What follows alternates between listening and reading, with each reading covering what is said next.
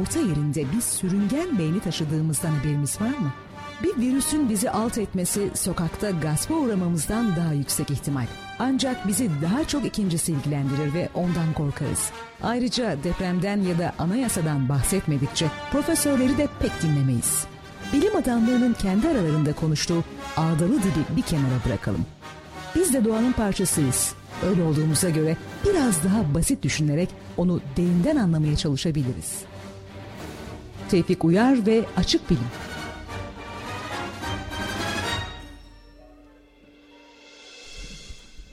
Sevgili dinleyenler, Açık Bilim Radyo programına hoş geldiniz. Ee, yarı açık bilim evi. Ne bileyim bugün böyle düşündüm gelirken. Yarı açık. Niye ki? Ya şimdi niye algıda seçicilik belki biraz biraz düşüncenin yönlenmesi. Yani her gün enteresan enteresan insanların çeşitli sebeplerden tutuklandığını duyuyoruz. Derken bu cezaevi olayı herhalde çok kafamda yer etti. Ha. Böyle açık bilim derken Tam açık, açık ceza, olamıyoruz açık yani diyorsun. cezaevi, yarı açık cezaevi falan derken yarı açık bilim evi diyelim biz de. Niye yarı açık diye tabii soracaksın sen. Doğru insanlar hapse falan atılırken karakolda dayak yerken falan Karakolda bizim de böyle yerken, değil mi? yok bozunumla bozunumla işte gezegenlerle falan uğraşmamız biraz lüks mü kaçıyor diyorsun. Yani lüks kaçmıyor da hatta aslına bakarsan belki de e, dünyadaki acıların ilacı bu diyeyim. Yani akılcılık yani kastettiğim şey bizim radyo programımız değil yani. Dünyadaki dertlerin acıların ilacı açık bilim radyo programı değil yani akılcılık yani. Neyse ben Tevfik Uyar bu arada. Ben de Ömer Cansızoğlu. Her salı saat 20.30'da 91.6'da yayınlanan Açık Bilim Radyo programında sizlerle birlikteyiz. Ee, bugün gezegenleri konuşacağız değil mi Ömer? Gezegenler konusunu. Ama ve lakin öncesinde e, gündeme dair bir şeyler de konuşmak istiyoruz burada. Zaten e, biliyorsunuz herkes çok büyük bir sabırsızlıkla bugünü bekliyordu. Ne için bekliyordu? Ne CERN? CERN'deki e, şey için, Açıklama. deney için, açıklama için. Fakat bugün e, çok fazla kimseyi tatmin etmeyen, üstü Daha kapalı bir açıklama geldi. mu? Aslında öyle söyleyemeyiz. Yani e, ne amaçla ne söylediklerini bilmiyoruz. Fakat e, aslında dediğim bir anlamda doğru. Yani yatırılan paranın büyüklüğüne bakarsak ortada bir dağ var. Fakat fare mi doğurdu yoksa hani ilk başta fare gibi gözüküyor ama neticede hani fare doğmuştur ama beslenir büyür yani. Ha büyür yani hani o anlamda diyorum. Bazı şeyler küçük doğar sonradan büyür. Başkalaşım geçirirler falan hani bilemiyoruz. Ama ve lakin iki ihtimal var gibi görünüyor. Ya hakikaten hiçbir şey bulamadılar yani. hakikaten bütün öngörüler yanlış. e, tamamen boş. Ve e, Avrupa'da zaten krizdeyken hani bu kadar büyük paralar yatırılmış bir e, projeden hiçbir şey çıkmadığını itiraf etmek çok zor olmalı. Hem e, projenin finansmanının devamı Ya için- arkasında kirli politikalar dönüyor diyebilir miyiz? Yani daha şimdi- fazla para harcamak gerekiyor ya harcamayın diye baskı yapıyorlar. İşte bu, bu deneyleri yapmamız gerekiyor diye. Yani arkasında bizim bilmediğimiz ya da toplumun aslında çok da ilgilenmedi. Yani sonuçla ilgilen sonucu etkilemeyecek başka Abi ben bizim bilmediğimiz ama dolaplar mı var? politikacıların bildiği bir şey olduğunu zannetmiyorum. Çok herkesin anlayabileceği bir konu değil çünkü. ya şimdi ben şunu merak ediyorum zaten. ya Şimdi politikacılar şundan oradaki ilgili. profesör gitti fizikçi, politikacıya. Ee, bu deneyin neden gerekli olduğunu nasıl anlatıyor acaba? Hani Higgs, Higgs bozonu işte hadron Anlat bana bir parçacığı abi işte mesela. Ben bir politikacı olayım. Ya şimdi ben tamamen basitleştirilmiş Ya sen şey- böyle bir deneyi neden yapmak istersin? Neden? Ee, tamam bak şimdi nedeni belli. Değil mi? Kainat nasıl var oldu? Yani bu bildiğimiz kuvvetler, kütle çekimi özellikle Hı hı, işte hı çekirdek kuvveti. Yani bunların hepsinin temelinde e, maddeye kütle kazandıran Hı hı. e, hatta işte tanrı parçacığı bu yüzden deniyor. Hı hı. Tüm bildiğimiz parçacıkların arkasındaki Hı hı. o temel yapı taşı yani Evet. bir zamana kadar yapı taşı atom zannediliyordu. Derken e, atomun da parçacıkları bulundu. Neydi bunlar? İşte e, proton, Proton, nötron, nötron, elektron, elektron. vesaire falan. Daha sonra bir sürü, bir sürü çeşit parçacık keşfedildi. Tamam mı? Takyonlar, miyonlar Evet. vesairedir falan filan. Daha sonra işte e, ku- kuark Keşfedilemeyen ve teori düzeyinde kalan parçacıklar da e, var. hissedilir parçacık hissedilir deniyor parçacıklar. gerçi ona. Teorik düzeyde kalır denmiyor bir anlamda da. E, kuarklar yani ortaya çıktı. Evet. Daha sonra bunların hepsinin temelinde tanrı parçacığı dediğimiz şu an. Şu an için tanrı parçacığı diyoruz ama belki bundan 500 yıl sonra insanlar Higgs bozonunun içerisinde başka bir evren yaratabilecekler. Hani çok küçük zannettiğimiz şeylerle bugün neler yapabiliyoruz? Hani bugün nano teknoloji inanılmaz boyuta erişti. Adam iki molekülden oluşan araba yapıyor yani. Hani e, fakat şu an için bildiğimiz, düşündüğümüz en küçük parça olduğunu düşündüğümüz Higgs bozonunu bulmak. Amaç bu. Şimdi sen politikacısın ben bilim adamıyım geldim sana. İlk bozonunu. Ya, Ya, bunun e, fiyat eder şeklinde nasıl daha e, rasyonel ve makul bir şekilde e, insanlığa katkı sağlayacağını nasıl hakikaten açıklarsın? ben şuna zor yani. inanıyorum yani bilim bir çok e, büyük paralar gerektiren bir bilimsel gelişmeyi e, bir hükümete kabul ettirmek onun bir anlamda galiba silah teknolojisinde de işe yarayacağını Ha işte. e, iddia etmekle olabilir bir. Şimdi aynı dili konuşuyoruz. İkincisi simyacıların da yaptığı gibi işte e, hani kurşunu altına dönüştürmek kadar büyük bir iddia. Tabii ki bu kadar saçma değil söyleyeceğim şey de. Söyleyeceğim şey şu. E, mesela bir devlet başkanını Mars'a gitmeye ikna etmek kolay. Veya başka bir gezegeni araştırmaya ikna etmek kolay. Neden? Niye? Bak biz oraya gidersek, oluşturmak, şov yapmak. sadece o değil. Biz oraya gidersek orada maden varsa yarın bir gün uzay nakliye filolarını kuracak teknolojiye eriştiğimiz zaman Toplar gelir. Şimdi ne yapacak? Şimdi başka bir gezegen bulduk. Bilimsel gelişmeler tüm insanlığın değil mi? Ama gezegeni gidip bulan Amerika. Gezegendeki madeni sana verir mi? Vermez. Vermez. Sen görsel olarak da şu an ne vereceğini sana gösterdim ben. yani hani dinleyicilerimize gösteremiyorum. Gösterecek olsam biraz zaten, Zaten ayıp olur. Yani. yani. Ama yani e, hareketi gördün. Değil mi? Evet. Ya şimdi gidecek Amerika yıllardır e, NASA'ya, e, NASA aracılığıyla Milyarlar Milyarlarca dolar para Para. harcıyor. Mars'ı buluyor, onu buluyor, bunu buluyor. Tamam her şey güzel bilim şeyi altında yapılıyor. Yarın bir gün gerçekten o gezegendeki madeni almaya gitmek olduğu zaman söz konusu. Kim paylaşacak bu pastayı? E tabii ki kim gittiyse o kardeşim. Doğru. Sana demeyecek Dünya Al- çok bir kaygısı fa- yani dünya barışı kaygısıyla yapılacak bir iş değil diyorsun. Ya herhalde dünya barışı zaten bir ülkenin harbi harbi e, münhasır bir yani kitlesel bir egemenlik e, halinde falan olacak bu gidişte. Giderek ümitlerimi kaybediyorum. Şu Türkiye'de olanlara falan filan da bakınca öyle İzmir'de. Bir tane ülke hegemonyasını kuracak. Ha öyle olacak anca ya. Tek ülke o Tamam, zaman barış var yani. abi. Ya da işte dediğim gibi dış bir tehdit lazım. Uzaylılar gelecek bizi mahvedecek falan yani. Başka türlü olmaz. Neyse velhasıl hani bir ülkeleri bilimsel e, araştırmalara etek etek paralar döktürmeye ikna edebilecek şey bence bunlar.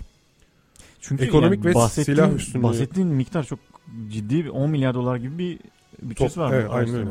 Bütçesi öyle. İnanılmaz bir şey değil mi? Muazzam bir hakikaten Yani, yani. O Fransa İsviçre sınırında mıydı? Neydi? Neredeydi ya? Sınıra e, çok büyük şeyler kuruldu. 5 katlı apartman büyüklüğünde. İnanılmaz yani parça çarpıştırıcının boyutu, uzunluğu falan. Kullanılan teknolojiyi falan filan zaten saymıyorum. Hani çok çok çok çok bildiğim bir konu değil. Hı. Ee, hani temel mantığını biliyorum ama oradaki o parçacık çarpıştırıcı nasıl çalışır, nasıl eder bunun hakkında pek bir fikrim yok. European Organization for Nuclear Research CERN'ün açılımı. Yani. De Fransızcası muhtemelen. O yüzden baş Evet. harfleri cem yapmadı senin söylediğin şeyin. Evet evet büyük ihtimalle Fransızca. Neymiş Fransızcası? Yok mu? Fransızcam, Fransızcası vardır da benim Fransızcam yok. yani benim, benim var abi ben bakayım biraz o zaman. CERN diyelim. Fransızcam CERN neymiş abi? Bu arada ben Ee, hemen şeyleri hatırlatayım. Abi Ee, onu da baş harfleri zaten CERN yapmıyor ki. Organisation Européenne pour la Recherche Nucléaire. İsviçre'de, İsveççe'de herhalde bir anlamı vardır CERN'ün. İsveçli ilk Ya da- Türkiye. CERN'deki Ya Ee, gene bir anlaşmazlık olmuştur. İngilizce ile Fransızcanın ortasını bulmuşlardır. Böyle bir şey var hakikaten biliyorsun değil mi? UTC var ya şu Universal Time e, şeyi var. Hani Türkiye UTC artı 3'te gibi düşün. Yani Greenwich e, zamanını UTC, UTC diye anılıyor. Evet evet. evet. Onun, onun aslında İngilizcesi TUC. Tamam. Fransızcası CUT. İki tarafı da kızdırmamak için UTC UTC'de karar kılınmış yani. Bu kadar da adamlar obsesif. Hakikaten obsesif. Bu, bugün bugün. Fransa'ya mı çakıyoruz? ne yapıyoruz? Bugün Geçen Fransa- Norveç'e çaktık hep taşları. Bugün de Fransa'ya mı Fransa'dan atıyoruz? görünüyorlar. İyi bakalım. İkinci bir mevzu daha konuşmak istediğimiz. Yani bu e, biraz daha e, İzmir'de Can Fevzi- sıkıcı olay. Evet can sıkıcı olay. Fevziye Cengiz adında bir kadın ailesiyle değil mi?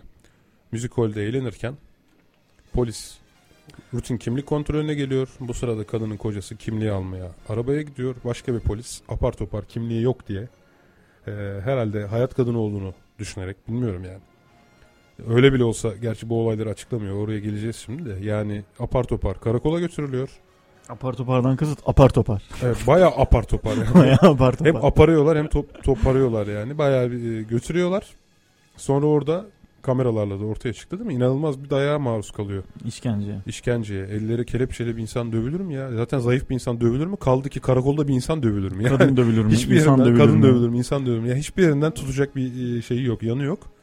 Ee, daha da korkunçu doktora gidiyor. Doktor temiz raporu veriyor. Sen dayak, Dayak diye. diye. Daha sonradan Ee, bu görüntüler bilir kişiye gidiyor. Savcı bil- izlemeden bilir kişiye gönderiyor. Bilir kişi de zor e, kullanmanın aşımı, kadın polisleri dövdü diyor resmen. Değil mi? zor kullanmanın aşımıyla Evet. işte Ne diyorsun Ömer biraz- bu olanlara? Yani zaten herkes bu öyküyü biliyor. Ya- Detaylarını vermeye gerek yok. Yani ne diyorsun? Evet yani bu öykünün turnusol kağıdına çizilmiş bin, bininci hikayesi belki aslında yani. Peki. Sadece karakterler ve e, kişiler değişiyor da. Ya bununla alakalı Temel olay ne yani o zaman? Biz Temel hangi olay- açıdan yaklaşalım buna? e, insanın yani Türkiye'de devletin ve de hatta devleti oluşturan işte insanların devletin eninde sonunda o ülkede yaşayan insanların oluşturduğu Vatandaşların, organizasyon. evet. Yani en büyük organizasyon devlet ve e, bu insanların insan nedir? Yani insanı biz ne yaparız? Nasıl davranmalıyız konusunda düşünmediği kanısına vardır benim. İnsan ne peki? İşte yani güzel bir soru. İnsan ne? Yani insanı biz dövebilir miyiz? İnsanın e, nerede hakkına, hudutuna bir saygı göstermeliyiz? Yani neresine kadar e, özel hayatına ya da tüzel özel hayatına, tüzel hayatına bir şeyine hangi sınırlar çerçevesinde girebiliriz ya da çıkabiliriz? Bunun üzerinde düşünmüyoruz. Ben bence sadece bunu e, Avrupa Birliği'nden ya da başka e, daha önceden konulmuş kıstasları alarak o kıstasların e, varlığının iyi olduğunu e, ön kabul, ön şartla e, kabul ederek e, onun üzerine sadece kafa yormadan e, gelip kanunlarımıza yazıyoruz. Bence insan deyip geçiyoruz yani. Yani insan hakları falan çok bir şey ifade etmiyor olsa gerek. Yani çünkü bak insan hakları bir şey ifade etmiyor demek ki. Ya da belli bir kesimi ifade ediyor ki şöyle bir şey var. Neredeyse resmi makamlar da bunu söyledi. İnternette yapılan yorumlarda da maalesef bunu görüyoruz. E, kadın konsomatrismiş madem hak etmiş falan filan gibi bir yaklaşım var. Yani hani sanki Ya kadının konsomatris olma ihtimaline dayalı o e, yapılan, yapılan hareketin etiksel e, doğruluğunu ya da yanlışlığını sorgulatmamak ya da bunun üzerini kapatmak. Hayır enteresan yoluna gidiyor. yani diyelim ki kadın konsomatris. ya Hak- diyelim ki Diyelim ki kadını. katil ya. Katil, Katil. bak katil. Senin acaba polis olarak katili karakola alıp onu kelepçeleyip onu dövme hakkın var mı? Yok. Yok yani. Polisin görevi herhangi bir ceza uygulamak değil ki. Hukuk. Aldın etkisiz hale getirdin değil mi? Ee, kolana kelepçe taktın etkisiz hale getirdin. O sırada sana küfrediyor olabilir. Ana avrat sövüyor olabilir. Ee, ki polis olurken sana hep pamuk prenseslerle ve Cinderella'larla muhatap olacaksın diye bir e, yalan söylemiyorlar değil mi? Yani zaten sen polissen uğursuzla, hırsızla değil mi? Katille, e, efendim uyuşturucu tüccarı bunlarla uğraşacaksın yani. Toplumun Senin düzenini bozan birlikte çalıştığın insanlar yani hani e, işini yaparken muhatap olmak zorunda olduğun insanların ortalama seviyesi bu. En temizi gaspçı. Ya sen uçak Mesela. mühendisi olup uçaktan uçaktan e, çok fazla e, muhatap olmamayı Ha, yani- istemen gibi bir ya- şey ya yani. e, Yine yani- mi bu uçak yani? ya yine ne, mi? ne böyle, böyle? böyle motorlu sesli gürültülü aletlerle yan yana koymayın falan gibi. Jet yakıtı kokuyor leş gibi de yani. Üzerim başım sindi. Hayret bir şey ya. Ne bu gürültü ya biraz sessiz bir uçak yapıp falan deme şansım yok değil mi? Evet. Yani e, bunun böyle olacağı belli. Yani karşındaki sana küfür bile etse senin buna hiçbir şekilde yanıt vermeyip görevini yapmak konusunda iradeye, eğitime sahip olman gerekiyor. Öyle değil mi?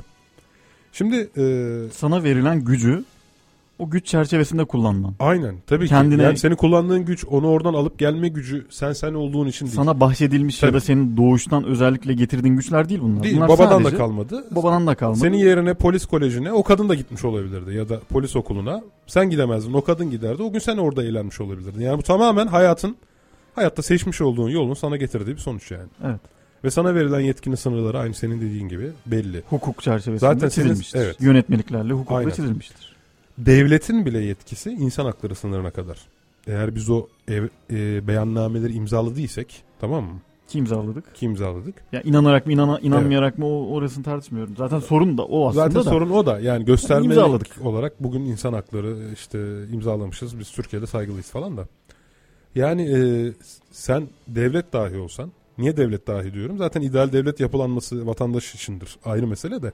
Hani bugünkü anlayış ve uygulamaya bağlı olarak konuşuyorum. Senin yetkilerin senin yetkilerin insan hakları sınırına gelir dayanır. Evet. Anladın mı? Bu yüzden sincapların kirpilerin devleti yok. İnsanların var. Evet bu yüzden insanların var değil mi?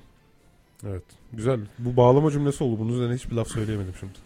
Evet insanların neden devlet var? Bilmiyorum. Bunun üzerine kafa yorulması gereken en ciddi soru bu herhalde. İnsan yani Türkiye'nin önündeki e, sorunları aşmak için herhalde en temel oradan bir başlaması gerekiyor. Yani insan Ben insan nedir? İnsana ne yap yani nasıl davranılabilir? korkunç bir ümitsizlik içerisindeyim. Bak daha önceki haftalarda da konuştuk. Yani burada e, Onur Hamzaoğlu'nun mücadelesinden bahsettik Evet, değil mi? onurumuzu Dilovası'ndaki. koruyoruz. Onurumuzu savunuyoruz. savunuyoruz. Nokta org. Ee, ondan bahsettik. Yani e, çevreyle ilgili sözleşmeler imzalıyoruz. İnsan hakları ile ilgili sözleşmeler imzalıyoruz falan filan ama ortada etkin bir uygulama yok. Ya Yani o sözleşmeler hiç kimse olmasa bunu yapmıyordur, amaçlamıyordur o demiyorum. sözleşmeler hiç olmasa biz kadınları da dövebiliriz. Biz e, insanları kanser Abi de yapabiliriz. sözleşmeler varsa yani, ne yapabiliyorsun zaten ki? varsa Sen- da zaten Yani yapıyoruz. şimdi en azından biraz Kadın dayak yiyor kocasından. Bak kaç tane böyle olay oldu. Bir tane değil. Turnusol kağıdının dedin ya aynı şeyin laciverti sarısı yani. Bak şimdi. Kaç tane kadın Türkiye'de şuna maruz kaldı. Kocasından dayak yiyor. e, devlete sığınıyor. Sığınma talep ediyor. Koruma talep ediyor. Devlet koruma sağlamıyor. Koruma vermiyor. Tamam mı? Daha sonra adam geliyor kadını öldürüyor. evet. Bu kaç kere oldu ya?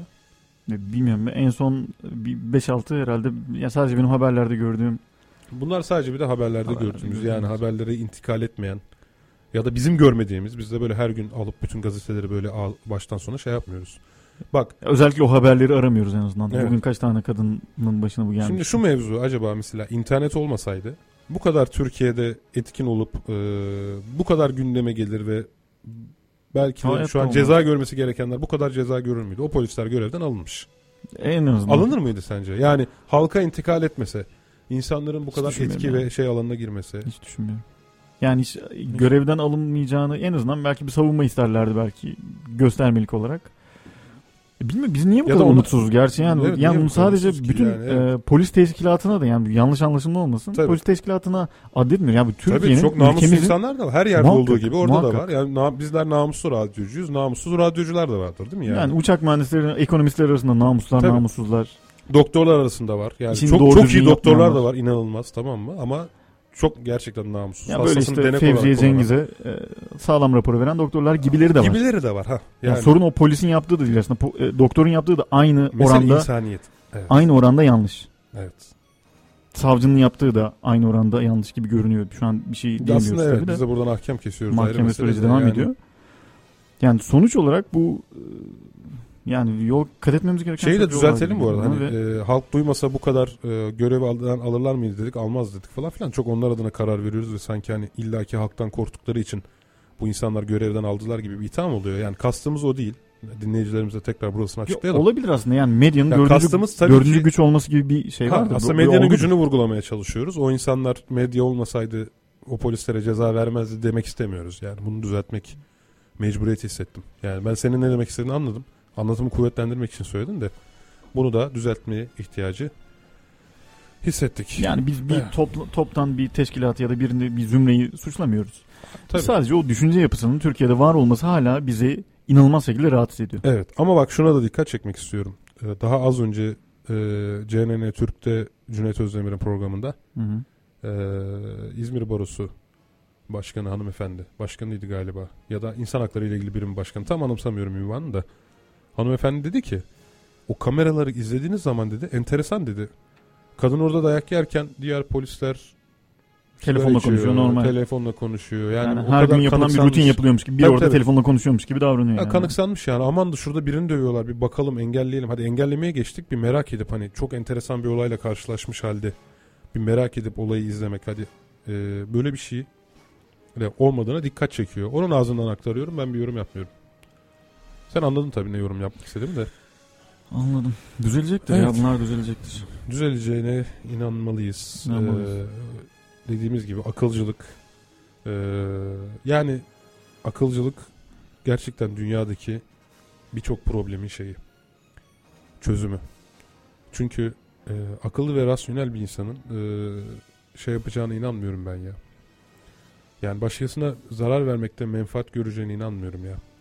Öyle bir ihtiyaç hissedeceğini ben çok mantıklı bulmuyorum. Yani başka Evet. birine kendi gücünü kullanarak işte dövmek, sövmek Evet. ya da onu pardon ya onu herhangi bir şekilde aşağılamak Yani öyle bir ihtiyaç hissedeceğini düşünmüyorum yani akılcı. Peyami Safa der ki varlıklar arasındaki en aptal varlık insandır. Çünkü en çok o düşünürler. Diğer hayvanlarla mukayese ederek. Hayvanların böyle bir şeye ihtiyacı olmadığını, hepsinin görevlerini zaten tamamen yerine getirdiğini ama sadece insanın düşünmeye, okumaya ihtiyacı olduğunu. Çünkü varlıklar arasındaki en aptal varlık olduğunu söyler. Güzel. Bu yüzden düşünerek, okuyarak o aptallığı üzerimizden atmamız gerekiyor galiba. Yani e, ülkemize baktığımız zaman çok enteresan bir tablo ile karşılaşıyorum Ömer. Gençlikten özellikle genç arkadaşlarla konuştuğum zaman üniversite öğrencilerini kısmen kastediyorum. Daha çok lise öğrencilerini kastediyorum. Yani geçenlerde oldu bir e, genç arkadaşa sordum. Dedim ki ya sen dedim kitap neleri okursun dedim. Ben kitap okumayı sevmem dedi. Nasıl ya dedim. Sen bugüne kadar hiç kitap okumadın mı dedim. Okumamış. Bence Ben- şöyle bir soru yani sen su içer misin ben su içmem. Evet. Yani hani Su getireyim mi? kitap Ben su içmek içmem. su içmek gibidir di- demeyelim belki hani E, ama çağımızda belki de ihtiyaçtır fakat ya bilmiyorum kendim ihtiyacı belki ben yanlış değerlendiriyorum. Hani insanlar bugün internetten de illa kitap okumalarına gerek yok hani. Eskiden bilgi kaynağı gerçekten sadece kitaplardı neredeyse. Hani e, bugün belki kişilerin farklı bilgi edinme Ya, kitap kaynakları konsepti olabilir ama değişmiş olabilir okumak sadece. bir alışkanlık sonuçta. Hani internetten Okumak. okumakla bence tamamen bir kompozisyon halindeki arka arkaya dizilmiş 200 sayfayı okumak zaten gerektirdiği sabır, gerektirdiği kapasite. Anladın mı? Mesela öyle bir insan düşün ki her yeni 3 sayfa okuduğunda önceki 3 sayfayı unutuyor. Bu insanın bir kitap okuduğunda bir şeyi anlaması ne mümkün? Ne kadar mümkündür? İmkansız değil mi? İmkansızdır evet. Yani kitap okumak, o kitabı okuduğumuz müddet boyunca baştan sona kadar beynimizde bir şeyleri kurgulamaya başladığımız bir süreç. Değil mi? Şimdi sen 150 sayfalık bir şey yapıyorsun. Düşün yani. O zaman okuyalım diyoruz. Okumadan zaman- önce dinleyelim. Okumadan önce dinleyelim değil mi? Bizim şey aramız denk geldi gene. 20 dakikadan sonraki aramız. Bu arada bugün konu gezegenlerdi. Gezegenlerde artık dönüşte başlayacağız ona. Ee, belle histoire diyoruz. Issız Adam'la meşhur olur mu bu şarkı? Issız adamlar. Ya Türkiye'de öyle. Evet. Issız Adam nelere descendait dans le midi, le midi. Ils se sont trouvés au bord Sur l'autoroute des vacances, c'était sans doute un jour de chance. Ils avaient le ciel à portée de main. Un cadeau de la Providence. Alors pourquoi penser au lendemain?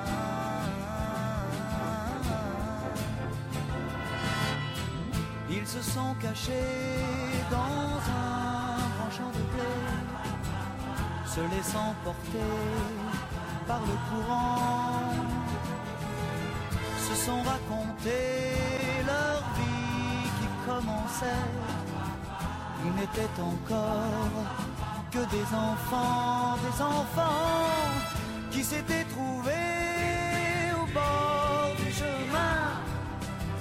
Sur l'autoroute des vacances, c'était sans doute un jour de chance qui cueillirent le ciel au creux de leurs mains. Comme on cueille la providence, refusant de penser au lendemain.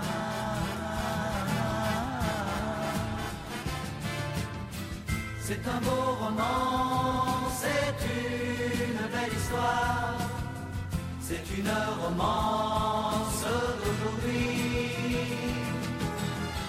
Rentrait chez lui là-haut vers le brouillard, elle descendait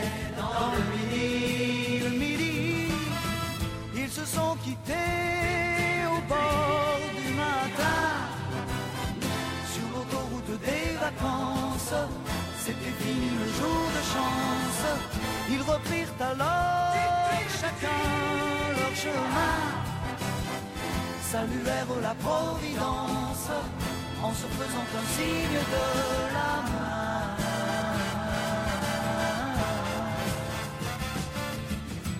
Il rentra chez lui là-haut vers le brouillard. Elle est descendue là-bas dans le.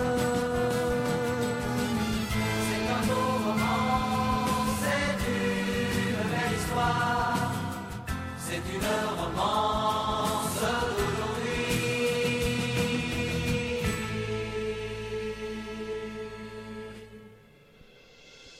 Ya ne demiş şair? Setan borama setün Setü. belistua demiştir. Belistua Ya. Fransızca enteresan bir dil ya ben seviyorum yani. Nazik olması. Evet bak daha önce İskandinav hayranlığı ve Norveç e, taş atmamızla devam ederken bugün de Fransa için aynı dengesizliği gösteriyoruz fark ettiysen. Yok Fransızca güzel bir dil bence. Ya ya en azından ben Fransızca şarkıları çok seviyorum. Bu arada Bugünden. dinleyicilerimizden birisinin söylediği bir şeye es geçmişiz. E, tehdit altındaki kadınlara da GPS takılması akıl edilmiş diyor. Iraz Eylem Eskici. E, enteresan yani konuyla ilgili bilgim yok. Ama zaten bu konuyu belki de sosyal adalet ve insan haklarının sınırı ile ilgili ayrı bir Başlık e, altında tekrar başlık altında bir gün bir program yapabiliriz. Bu arada bizim kon- programın konsepti hakkında da ilginç değişikliklerimiz olacak. 10. bölümden Düşünüyoruz. itibaren. Görüş, önerilerinizi bu konuda bizle paylaşırsanız seviniriz. Evet biraz daha e, şey bir konsept. Neyse şey yapmayalım. İpucu vermeyelim değil mi? Heyecanlandıralım. Heyecan heyecan. 15 tane dinleyicimize. evet 15 dinleyicimizi. yani bir Harbi anda ya biz din- dinleniyor muyuzdur acaba ya? Işık yakıp söndürseler mi? Ya, göremeyiz. Yok o yasakmış bu arada. Öyle mi? Evet o yasakmış. Ha bilmiyordum. Evet o ben Sebep? radyo programına başlamadan önce radyo programında yapılmaması gereken 10 kusurlu hareket konusunda biraz okudum da o bilmiyorum halkı isyana teşvik gibi algılanıyormuş medya aracılığıyla. Evet evet yani yasada öyle bir cezası var. Hani şu an biz dinleyenler korna çalsın falan diyemiyorsun ya da ışık yakıp söndürsün falan diyemiyorsun yani. O zaman ne yapsınlar? Facebook e, sayfamıza mesaj atsınlar. O daha büyük problem. o daha büyük suç. Yazanı da tutukluyorlar falan diye böyle. Yok şakaydı ya. www. Neyse en azından kimse yazmazsa tutuklanmaktan korktular diye kendimizi avutmak için sebep yarattım. Nasıl? E, tabii. Evet. Bana mail, mailler geldi arkadan. Facebook, Facebook yani facebook.com Slash e, açık bilim radyo. Açık Bilim Radyo yani İngilizce karakterlerle yazıyoruz. Açık Bilim Radyo yazdığımız zaman bizim bu Facebook sayfamız zaten üye olan e, sevgili dinleyenlerimiz var. Burada bize ileteceğiniz bir şey olursa bu başlık altından iletebilirsiniz diye bir başlık var. O başlığın altından bize düşüncelerinizi, sorularınızı iletebilirsiniz. Evet sevgili Ömer geldik gezegenlere. Gezegenler. Zamanında zamanında derken çok da uzun zaman önce değil. Şurada dördüncü ve beşinci bölümlerimizde e, Zamanında. uzaylılardan bahsederken hep genelde başka gezegenlerde hayat gezegenler X gezegeninden dedik ama e, Brüksel'de yaşayan sevgili bir arkadaşım dedi ki ya e, dünya çapında dinleniyoruz bu arada. Brüksel'de harbiden Brüksel'den dinleyen bir arkadaşım dedi. Peki niçin dedi yani biraz daha uzay tarihinden hani yıldızları, gezegenleri ayrı ayrı e, ele almıyorsunuz, uzay tarihinden bahsetmiyorsunuz dedi. E, ben de bunun üzerine sana gezegenleri konuşalım teklifini getirmiştim. Sen de kabul ettin. Teşekkür ederim. Ne demek? Ee, yani bugünkü başladığımız seçme sürecimiz böyle oldu. böyle oldu. sayın evet. seyirciler, Yani- sayın sevgili dinleyiciler. Ö- sayın- Ömer'in hoşgörüsü ve e, sevgisi sayesinde. Arada böyle mevlanalıklar yapıyorum. evet. Nedir abi gezegen? Oradan başlayacağız yine. Öncelikle tanımımızı yapacağız. Şimdi gezegenler yıldız ya da bir yıldız kalıntısı yani daha doğrusu büyük kütleli gök cisimler ki bunlar için zaten yıldızdan e, pulsardan falan çok fazla şey söyleyemiyoruz. Yani bir dönem yıldızın herhangi bir parçası olmuş. Daha sonradan o yıldızdan kopmuş. Hayır o çok eski bir teori bu arada. Ben bunu biliyorum. Evet o çok eski bir teori. Yani e, şu an için aslında gezegenlerin tam nasıl oluştuğu bilinmiyor. Oraya da geleceğiz. Ama tanım yapacak olursak bir yörünge takip etmek suretiyle e, büyük ve yakıt yakan yani yıldız veya yıldızsal bir cisim etrafında yörüngesel bir şekilde dönen cisimlere biz gezegen diyoruz. Yani nasıl olduğu ya da nasıl oluştuğu konusunda çeşitli Ona- teoriler var ama net değil. Çeşitli aslında şu an e, çok en geçerli olan teoriden de bahsetmek lazım. Oluşumları da gezegenler yıldızların yani eskiden şöyle deniyordu. En azından bize e, ilkokuldan beri öyle anlatılıyor okullarda. Güneşten kopmuş mesela hani dünyamız için. Ya büyük patlama teorisinden. Kopmuş dönmeye başlamış. Yok büyük patlamadan çok sonra. Yani şu an hala daha yeni oluşan yıldız var. Büyük patlamanın daha küçük patlamaları şeklinde Hayır hayır hiç patlamayla alakası yok. Büyük patlama bir kere oldu. patladı bitti. Patladı bitti. Kainata büyük miktarda değil mi madde saçıldı. Hı. bu sırada. Bu maddelerin şimdi kütle çekimi diye bir şeyden bahsettik değil mi? Burada daha önceden de bahsettik zaman yolculuğu ile ilgili programımızda. O hepsi aklımda bu arada farkında mısın bilmiyorum. Hangi Her gün dinliyoruz. konuştuk falan. Her gün dinlediğim için her sabah baştan. Gittikçe de süreç uzuyor şimdi. Her sabah 9 bölüm dinliyorum. 8 bölüm pardon. Ee, bir miktar madde Evet. şu an yayılı olarak düşün. Kütle çekimi diye bir şey var değil mi? Şimdi doğal olarak doğal olarak ben şuraya bir avuç pirinci atsam şu masaya bir avuç pirinci attım Ya diyelim. da zarları. Zar demeyelim pirinç. Pirinç diyelim. Abi bugün düzeltme. Na, ne desem elimde kalıyor yani. Zar olsun abi ne olacak yani. tamam hadi zar Benim olsun. gönlüm olsun ya. Tamam abi senin gönlün olsun. Barbie üzerindeki sayılarla hiçbir alakası yok. Yanlış anlaşılmasını engellemek Sayı, şey sayılar demiyorum yani zarları atıyoruz. Tamam, Tamam zarları attım.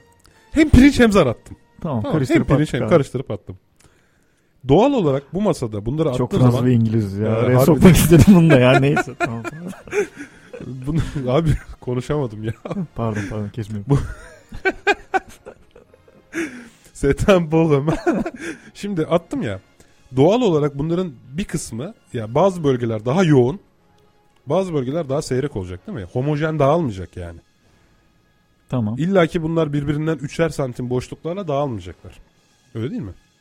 Yani o kadar sağlam bir bileğin yoksa ya da o kadar e- Yani- eğitimli bileğe sahip Bak, değilsen Bu termodin, düşük termodinamikle çok ilişkili değil mi? O kadar e, entropi ben- diyecektim entropi ben de. yani. Entropiye girecektim. Aynen. Atarak o kadar düzenli bir hal elde etmem mümkün değil. Maksimum düzensizlik olacak. Şimdi daha yoğun olan bölgelerin doğal olarak kütle çekimine daha fazla. Evet. Dolayısıyla bu daha yoğun olan bölge giderek daha da yoğunlaşacak. Neden? Çevredekileri kendine çekmeye başladığı için. Hı hı. Yani şurada bir pirinç ve zar bula- bulamacı yakında böyle bir teori geçiyormuş. Pirinç ve zar bulamacı falan. Pirinç ve zar bulamacı eee, oluşturduğum zaman Hı hı. zamanla bu bazı yerlerde ne yapacak? Topaklanmaya başlayacak. Hı hı. Bunlardan elbette ki ilk başta eee, daha en çok topaklananı Hı hı. bu dönüşün merkezi haline gelir bir süre sonra. E- eğer başka yerlerde bazı başka yerel topaklanmalar varsa Ya şöyle çok basit indirgeyebilir miyim? Evde puding yaparken e, eğer o pudingi karıştırmazsam topaklanır ya. Evet bir anlamda öyle. Tabii kütle çekimi etkisi burada yok.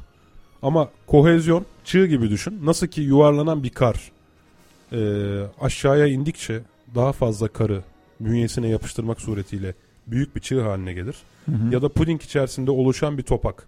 Sen onu karıştırıp dağıtmadığın zaman daha fazla etrafında puding toplayarak daha büyük bir topak haline gelmeye meyil ederse bu da benzer bir şey. Ve daha sonra bu ana topak Gezegen oldu. Evet ana yok ana topak yıldız oldu. Çünkü zaten ana topak kendi kütle çekimi de oldukça fazla. Ee, ve bu basınç altında yakıt yakıyor değil mi? Ee, çok daha fazla yakıtı var Hı ve milyonlarca yıl ışımaya devam edecek olan yıldızı oluşturuyor. Tamam. Milyarlarca yıl hatta. Hı hı. Etrafındaki yerel topaklanmalar ise Hı hı. bir şekilde bu esnada zaten dönüş halindeler bunlar. Hala patlamadan arta kalan bir enerji. Burada Hı hı. dönüşü sağlıyor. Bunlar e, belli bir yörüngede bu merkezdeki topağın etrafında dönmeye başlayacaklar. Ancak tabii ki bu yerel topaklar çok daha az basınç ve çok daha az maddeye sahip Yakıtla. olduğu için yakıtlarını daha erken tüketecekler. Hı hı. Bu durumda ortadaki ana topak bizim yıldızımız olacak. Hı hı. Etrafındaki yerel topaklar ise gezegenler olacak. Güzel. Ve daha sonra bu e, topaklar arasındaki toz bulutu hala süre gelen madde bir şekilde ya bu topaklara yapışıyor Hı ya da zaten ilk yıldız oluştuktan sonra güneş rüzgarı, radyasyon vesaire şeklinde saçılıyor. Aralarda böylece temizleniyor böyle cillop gibi oluyor. E, bir yıldız ve etrafında dolaşan gezegenler de böylelikle ortaya çıkmış oluyor. Yani gezegenlerin oluşmasına dair olan geçerli tez şu an bu. Ne kadar güzel. Bunun hakkında bir soru var mı? Kendi aranızda konuşmayın yavrum falan. Gene- hakkında aklıma bir soru gelmedi. Böyle bir şey Eğer gibi dinleyicilerimizin aklına bir soru geldiyse Facebook'tan Evet, dinleyici bize iletebilirler. dinleyicilerimizden. Bugün telefon alalım mı bu arada? Ne diyorsun? Alalım. Eğer bağlan telefonla bağlanmak isteyen dinleyicilerimiz varsa tabii o ki zaman önlerini numaralarımızı kesmeyelim. söyleyelim.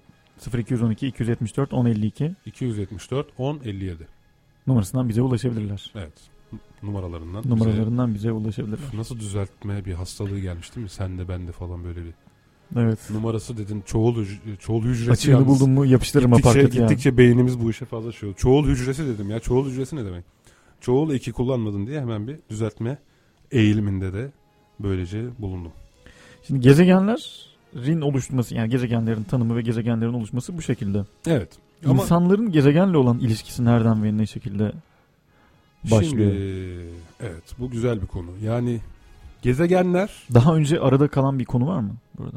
Yani söylemek Yok yok yani gezegenler böyle oluştu. Tabii hani belki biraz daha şeye girebiliriz. E, niçin her gezegen birbirinden farklı diye. Biliyorsun bu arada geçtiğimiz e, haftalarda daha iki hafta bile olmadı. e, yeni bir gezegen keşfettik. Kepler 22 sisteminde. Kepler 22 sisteminde yeni bir yaşam Kepler olabileceğini 22b. ya- yaşam olabileceğini düşünülen. Evet yani yaşam olabileceği düşünülen ama e, daha önce söylediğimiz sebeplerden ötürü sadece henüz düşünülen. E, çünkü bu gezegenin ortalama sıcaklığı 22 derece. Evet. Dünyanın Ya. 15 dereceydi. Yani bir yıldızın e, yaşanabilir alanı dediğimiz kısmında bulunuyor. Evet. Ee, sıcaklık niçin önemli sorusunun e, önemli bir cevabı var aslında. Bu arada benim şu an Gazete Port'taki son yazım yeni yeni gezegen Dünya 2.0 ee, yazımda da bunlardan bahsediyorum. Sıcaklığın burada şöyle bir önemi var. Yumurta pişirdiğin zaman ne oluyor? Bozuluyor değil mi? Artık ondan e, bir civciv elde etmek söz konusu değil.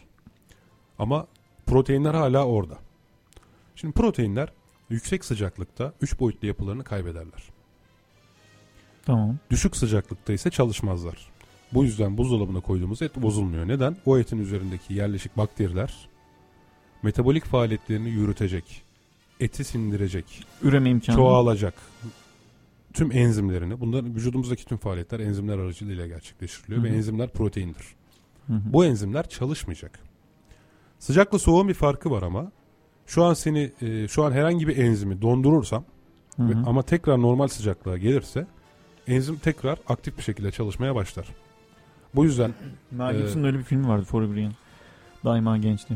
Buzdolabına atıyorlardı daha sonradan. ha şey insanı donduruyorlar. İnsanı mi? Tabii şu an donduruyorlar. o mümkün değil de hani e, daha basit canlılar için düşünelim. Hani insan çok karmaşık bir sistem olduğu için hani o kadar kolay olmuyor bakterilerdeki gibi ama e, zaten tüm canlıdan sayırarak düşünelim olayı. Sadece bir enzim, sadece bir proteini Hı hı. alıp buzdolabına koy. Sonra tekrar çıkar bir şey olmuyor. Ama sıcaklık farklı. Sıcaklık e, 36 derecenin 40 derecenin üstüne çıktığında artık proteinin 3 boyutlu yapısı değişiyor. Bu 3 boyutlu yapı niye önemli biliyor musun? Enzim ve substratlar enzimin bağlandığı e, diğer maddeye substrat denir vücudumuzda da. Mesela nişastayı sindiren bir enzim e, bunu yapabilmek için işte o substrata bağlanır tamam mı? Hı hı. Ee, üç, bunları yapboz parçaları gibi düşün. İki yapboz parçası nasıl birbirine bağlanıyor? Birbirine uyumlu. Birisinin deliği, birisinin çıkıntısı var değil mi? Evet. Birbirine bağlanıyor. Sen bir yapboz parçasının yapısını, şeklini bozarsan ne olur? Artık o iki yapboz parçasının birbiriyle Birbirine uyumlu ortadan kalkar. aynen mümkün değil. Bu yüzden sıcaklık çok önemli. Yani bizim bildiğimiz anlamdaki protein yapılı canlılık, protein yapılı canlılık eee, bu sıcaklık aralığında çalışıyor. Başka bir canlılık çeşidi varsa bilemeyiz. O zaten her gezegende olma ihtimali olan bir şey.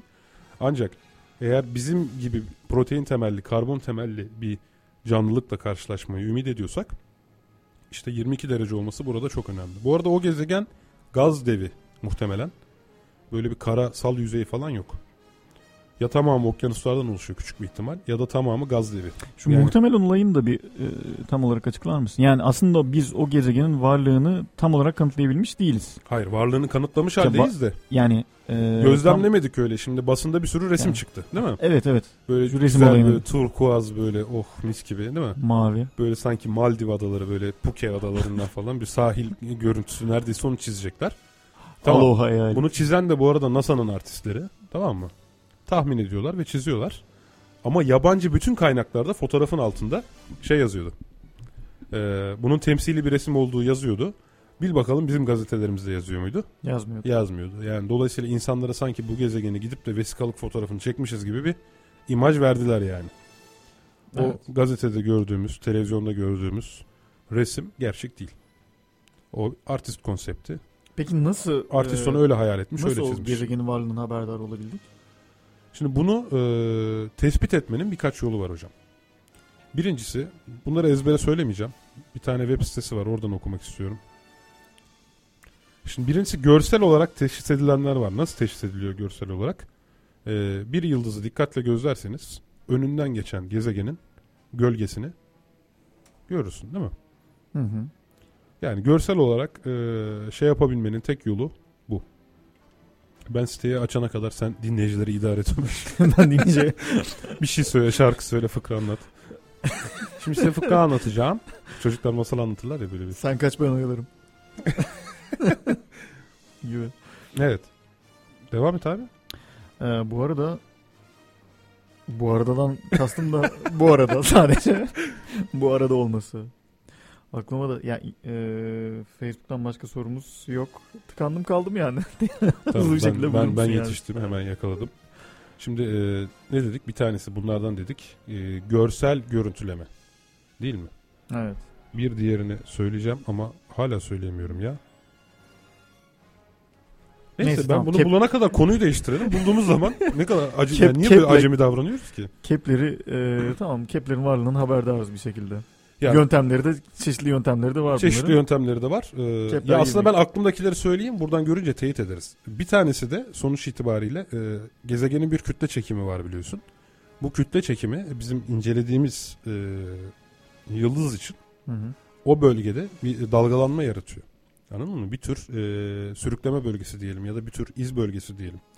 Buradaki yalpalamadan e, şey yapabiliyoruz. E, teşhis edebiliyoruz yani. Bulamadıysan fıkra anlatayım hakikaten. Geldi mi aklına fıkra? Ya Temel'i bir gün asmaya götürüyorlarmış. Nereye? Temel'i. Asmaya Asmaya, mı? götürüyorlarmış evet yani. evet. bir suç işlemiş herhangi bir suç asmaya götürüyorlarmış. Son sözün ne de sormuşlar. O da bu bana ders olsun demiş. Bu bana ders olsun demiş. Peki ben sana başka bir fıkra anlatayım bak bu arada. Ha, bu kadar kısa olduğu için aklıma geldiği için anlatıyorum. Şimdi Temel'le Dursun e, yolda yürüyorlar. Temel anadan yürüyen. Dursun'da ise sadece Boxer'ı var. Temel Aha. Dursun'u durduruyor. Dursun lütfen dur diyor. Ne oldu Temel falan? Dursun en çok senin hangi oyunu seviyorum biliyor musun diyor. Hangi oyunu Temel? Kumarda nerede duracağını çok iyi biliyorsun diyor. O güzelmiş benimki gibi. Araya doldurmak için anlatılmış boş bir fıkra değil yani. Sen anlatınca aklıma bu geldi. Neyse Evet. sonuç olarak şeyden Sonuç devam olarak edelim. Eğer sen e, fiziksel bulduysan etkiler. bunu ölçülerek. İkincisi görsel olarak. Üçüncüsü de e, timing denilen bir yöntem. Tamam mı? Fakat e, neredeyse en az bununla bulunmuştur. E, bunlara bu arada gezegenler denmiyor. Bak bu çok önemli bir şey. Gezegen adayları diyoruz henüz. Yani öyle gözle görüp e, şey yapabildiğimiz e, gezegen olduğunu kesin olarak söyleyebileceğimiz bir şey yok. Yani bunları hep biz gezegen adayı olarak söylüyoruz. Hı hı. Ama tabii ki bunun e, daha çeşitli başka yöntemlerle yani çapraz kontrol gibi düşün. Hı hı. Başka yöntemlerle de teşhis edip tespit edip kanıtlanması gerekiyor. evet, gördüğümüz zaman yani şimdi bu hani Mars'ın gezegen olduğundan emin olduğumuz kadar emin değiliz. Öyle bir şey değil yani. Hatta 2006 yılına kadar biz 9 gezegenimiz var biliyorduk değil mi? Evet. Güneş sistemimizde artık 8. Çünkü cüce gezegenler dediğimiz bir kavram da doğdu. Yani şu an e, 2006 yılına kadar hatta şuradan başlayalım. E, ilk başta Babillilere kadar inersek Evet insanlarla gezegenlerin Sadece- gezegenlerin ilişkileri nereden doğmuş? Nereden merak ettik biz bu gezegen? evet sadece gözlenebilen gezegenleri biliyordu insanlar tamam mı? 5 tane. 5 tane. Bunlar e, düny- uz- güneşten uzaklığına göre sayacak olursak bunlardan her şeyden önce Merkür zaten güneş sistemimizin birinci gezegeni değil mi? Sonra Venüs e, bu da zaten bizim komşu gezegenimiz. Güneş batarken gayet rahat görebiliyoruz. Yani güneşe bizden daha yakın olduğu için güneş neredeyse Venüs orada. Güneşin arkasında Hı hı. kalmadıkça da biz onu tesis edebiliyoruz. Biz Ee, varız. Bir diğeri öteki komşumuz. Ha, arada biz varız da hani Biz insanlar- zaten gezegeniz yani bunu konuşmaya, Evet. konuşmaya değmez diyorsun. Yani göksel bir aynaya bakamadıkları için bizim ne üzerinde olduğumuzu tam anlayamam anlayamıyorlardı tabii ki o zaman. Hmm, yani bu henüz- çok güzel aslında. Dünya onlar için henüz yoktu yani anladın mı? Tepsi üzerinde miyiz? Biz neredeyiz falan. Ee, çok uzun bir süre zaten evrenin merkezini dünya zannediyordu insanlar. Daha sonra diğer komşumuz olan Mars. Mars'ı da görebiliyoruz. Bize yakın. Kırmızı olarak güneşin ışığını, ışığını yansıtıyor falan filan. Bunu da çok güzel görebiliyoruz. Harika. Fakat e, diğer uzak gezegenlerden, dış gezegenlerden sadece Jüpiter ve Satürn. Bu da neden? Çok büyük olduklarından. Uranüs daha sonradan keşfediliyor. Tabii. 1800'lerde keşfediliyor. Sonradan keşfediliyor. Bak kadarıyla. şimdi biz e, şeyi saydık. 5 gezegeni saydık. Rönesans zamanında bu şey aynen devam etti. Fakat işin içerisine dünya da girdi. Dünyanın artık bir gezegen olarak Evet, kabul Röne. Rönesans'ta değil mi? Galilei, Kepler vesaire e, bunların düşünceleri artık kabul Brahe. başladığı için. Evet. Tycho Brahe olsun. Evet. Daha sonra 1807 ila 1845 arasında 11 adet gezegenimiz olduğu düşünülüyordu. İşin içerisine şu an bizim cüce gezegen olarak saydığımız başka gezegenler girmişti. 2006 yılına kadar biliyorsun 9 gezegen olduğumuzu zannediyorduk. Plüton. Ee, fakat 2006 yılında Plüto şeyden çıkarıldı. Gezegen olmak. Gezegen Sınıfından. olma evet, sıfatını kaybetti yani. Şu an güneş sistemimizde 9 değil 8 gezegen var. Bu Bilmeyenler. önemli ve bir bilgi. Bilenler bilmeyenlere. İlkokul ansiklopedisi bilgileri anlasın. vardı. Çok hoşuma giderdi aslında o ilkokul ansiklopedisi. Hayır, bunlar çok temel bilgiler aslında. Güzel bilgiler yani. Güzel bilgiler Şimdi düşün- niye 2006'da değişmiş? Güncelliğini e, hala koruyor yani. Bu arada enteresandır. Türkiye'de de coğrafi e, bölge kavramı kalktı biliyorsun değil mi? Daha yenilerde oldu. Artık coğrafya derslerinde Karadeniz bölgesi, İç Anadolu bölgesi diye ayrılmayacak Türkiye. Allah Allah. Böyle anlatılmayacak. Evet. Enteresan. Se- ya sebebi ne? Bir, Bilmiyorum. Onu da tartışmayalım zaten boş ver. o da eksik kalsın diyorsun bugünkü bilgilerimiz Yani arasında. bugünkü evet bugün daha fazla Ve şey e, karıştırmayalım araya. şimdi Facebook'tan Murat Bilgin adlı dinleyicimiz der ki canlılığa rastlanan gezegen var mı? Hmm, Şimdi evet. Bu konuda biraz bahsetmiştik aslında. Bu konudan tekrar- bahsettik tabii ama o gün demek ki Murat Zaten Bey bugünkü konularımız tekrar, arasında da tekrarlamakta fayda var. bir şey var. Evet. e, şimdi bunca gezegen keşfedildi. 1992 yılına kadar bu çok önemli bir bilgi bak. 1992 yılına kadar Güneş sistemimizin dışında bir gezegen olup olmadığı henüz bilinmiyordu. Tespit edilmemişti. Yani dünyanın e, işte Rönesans'a kadar işte dünyanın evrenin merkezinde olduğu bilgisine Şimdi oralara geleceğiz de. denk bir bilgi yani. 1992'ye kadar da evrenin herhangi bir yerinde böyle bir güneş Ama sistemi yanlış biliniyordu demiyorum. Varlığı Bilmiyorum. henüz tespit edilmemişti. Elbette akla yatkın olan güneşin gezegenleri varsa diğer yıldızların da gezegeni var idiydi. Zaten biz e, güneş sistemi dışındaki gezegenlerin ilkini 92 yılında keşfettik. O günden bu yana 600'den fazla yeni gezegen keşfedildi. Bunlara egzoplanet diyoruz. Türkçesine çevirmeye kalkarsam dış gezegen diyeceğim Dış ama gezegen. dış gezegen bizim güneş sistemimizdeki aradaki soğuk bir bölge var Jüpiter'den önce. O oranın dışında olan gezegenlere deniyor. O yüzden dış gezegen demeyelim. Güneş sistemi dışındaki gezegenler diyelim uzatarak. Ee, Murat Bey'in de sorusuna şöyle yanıt verelim. Şu ana kadar dünya dışında hiçbir yerde hiçbir şekilde canlılık ve hatta canlılığa dair bir iz keşfedilmedi. Evet. Murat Bey'in sorusuna Çok net, yanıtı. yeterli. Çok net. Evet. Ne canlılık ne de canlılığa dair bir iz. Henüz keşfedebilmiş değiliz. Henüz zaten ulaşabildiğimiz, ayak basabildiğimiz hiçbir gezegen yok. Makine gönderebildiğimiz iki gezegen var. Venüs ve Mars. Hı hı. Ee, dışarıdan görsel olarak hepsini aldık ama o ayrı mesele. Yani yörüngelerinden fotoğraf aldık. Ama zaten inip de e, görebildiğimiz, en azından toprağını ana- analiz edebildiğimiz vesaire iki gezegen var. Venüs ve Mars. Ve böylece evet. Hiç daha henüz gözlemleyemedik. Henüz anlamlı bir sinyal de almadık. Radyo astronomlar uzayı sürekli olarak tarıyorlar. Henüz bir sinyal de almadık. Yani henüz buralardan e, bakir toprak parçalar olarak bahsediyoruz gibi düşünebiliriz yani. ne güzel.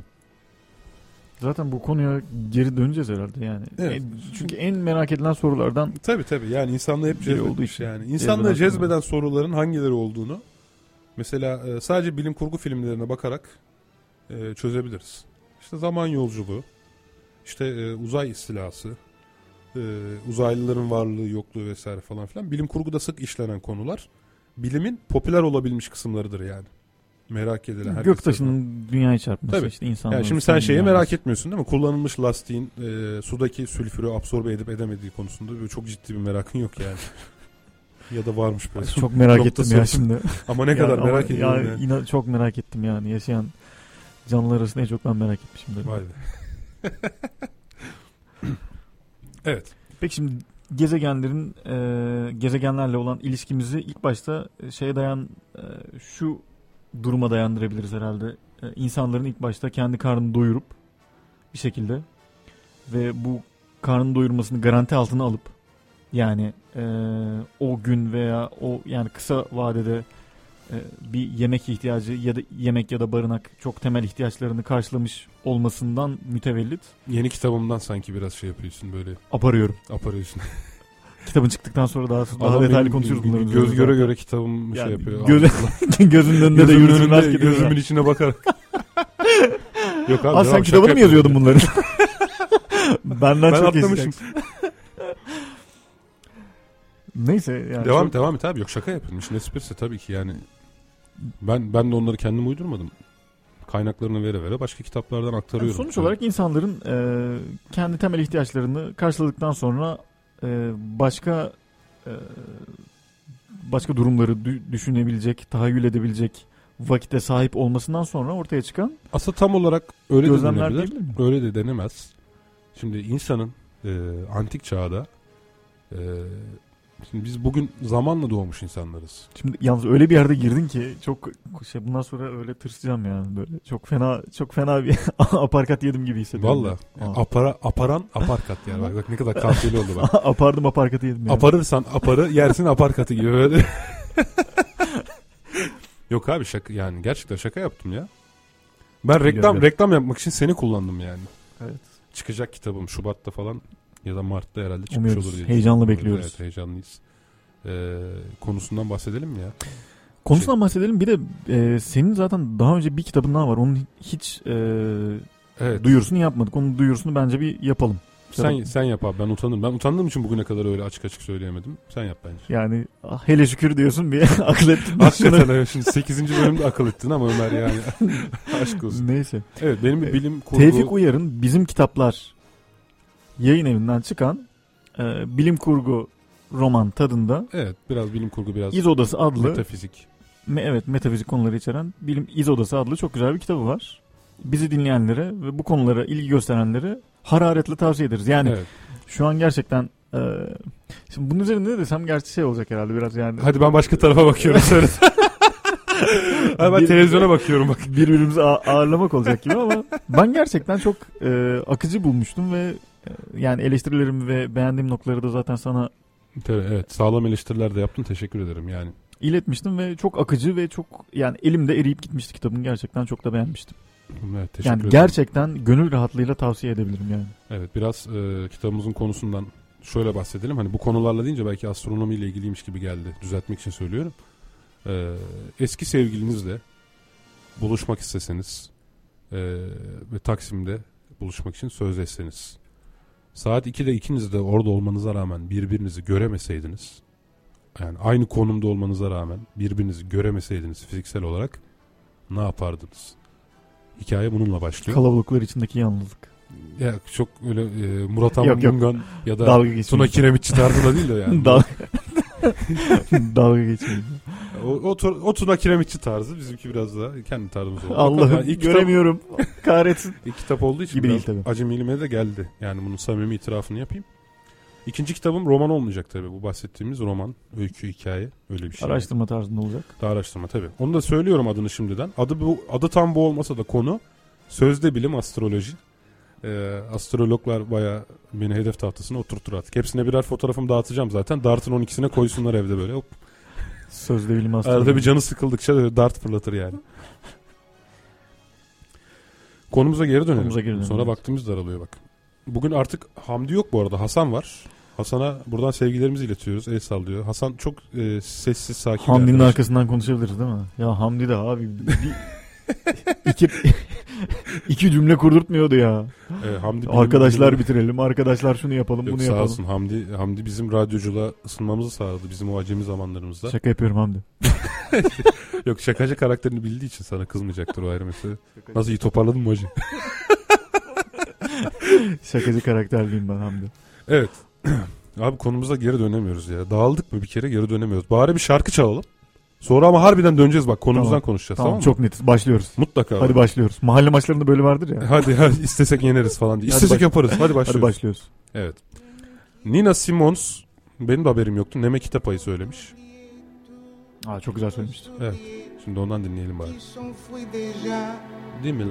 oublier le temps des malentendus et le temps perdu, à savoir comment oublier ces heures qui tuaient parfois à coup de pourquoi le cœur du bonheur ne me quitte pas, ne me quitte pas, ne me quitte pas, ne me quitte pas. Moi, je t'offrirai des balles de pluie venues de pays où il ne pleut pas. Je creuserai la terre jusqu'après ma mort pour couvrir ton corps d'or et de lumière. Je ferai en demain l'amour sera roi, ou l'amour sera loi, ou tu seras reine. Ne me quitte pas, ne me quitte pas, ne me quitte pas, ne me quitte pas.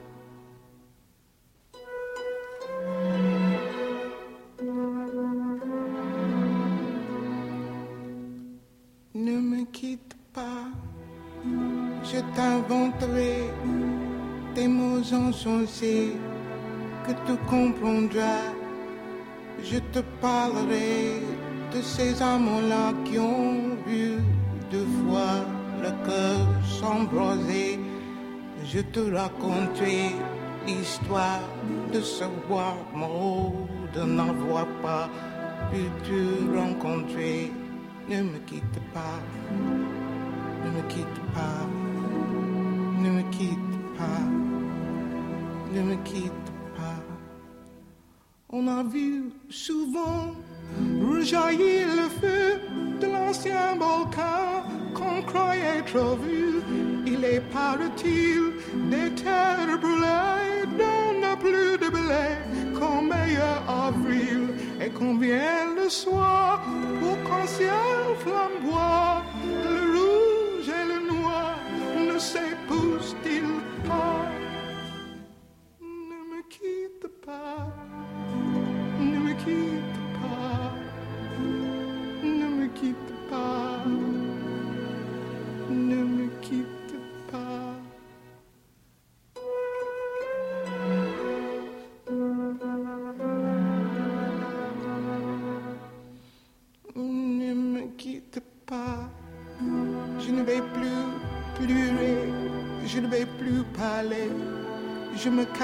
là, à te regarder, danser et sourire, à t'écouter, chanter et puis rire. Laisse-moi devenir l'ombre de ton ombre, l'ombre de ta main, l'ombre de ton chien. Ne me quitte pas,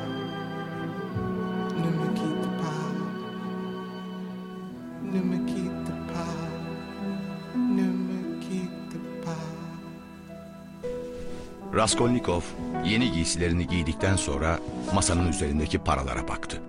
Bir an düşündükten sonra alıp cebine koydu onları. Hepsi 25 rubleydi. Usulca kaldırdı kapının çengelini, merdivenleri inmeye başladı. Bir dakika sonra sokaktaydı. Güneş batmak üzereydi. Eski alışkanlığıyla dolaşmaya çıktığı zamanlar yaptığı gibi doğrudan saman pazarına yönelmişti.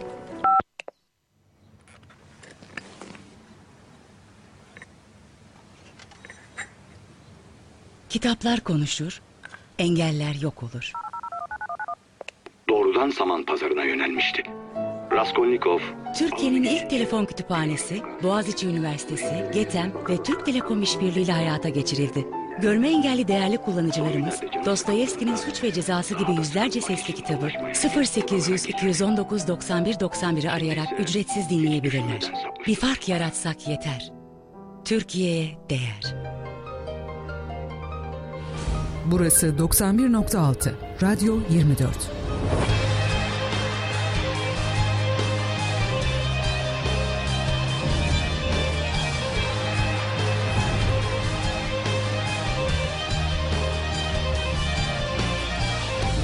Haberin radyosuna hoş geldiniz.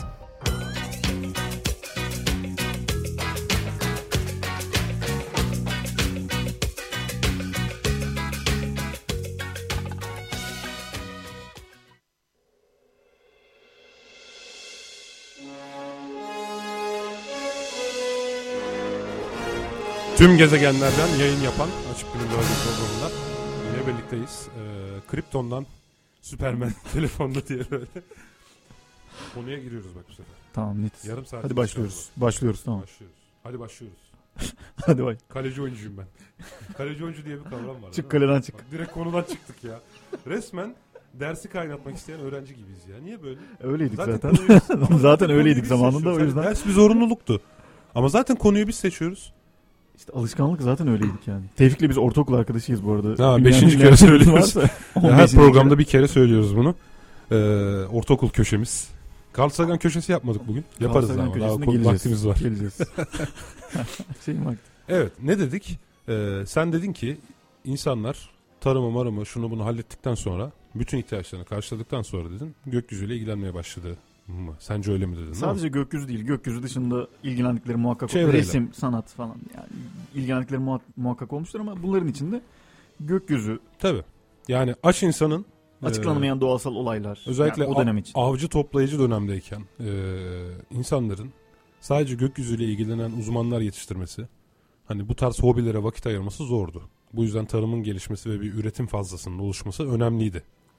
Ama ve lakin gökyüzünü izlemenin insanlara bir faydası daha vardı.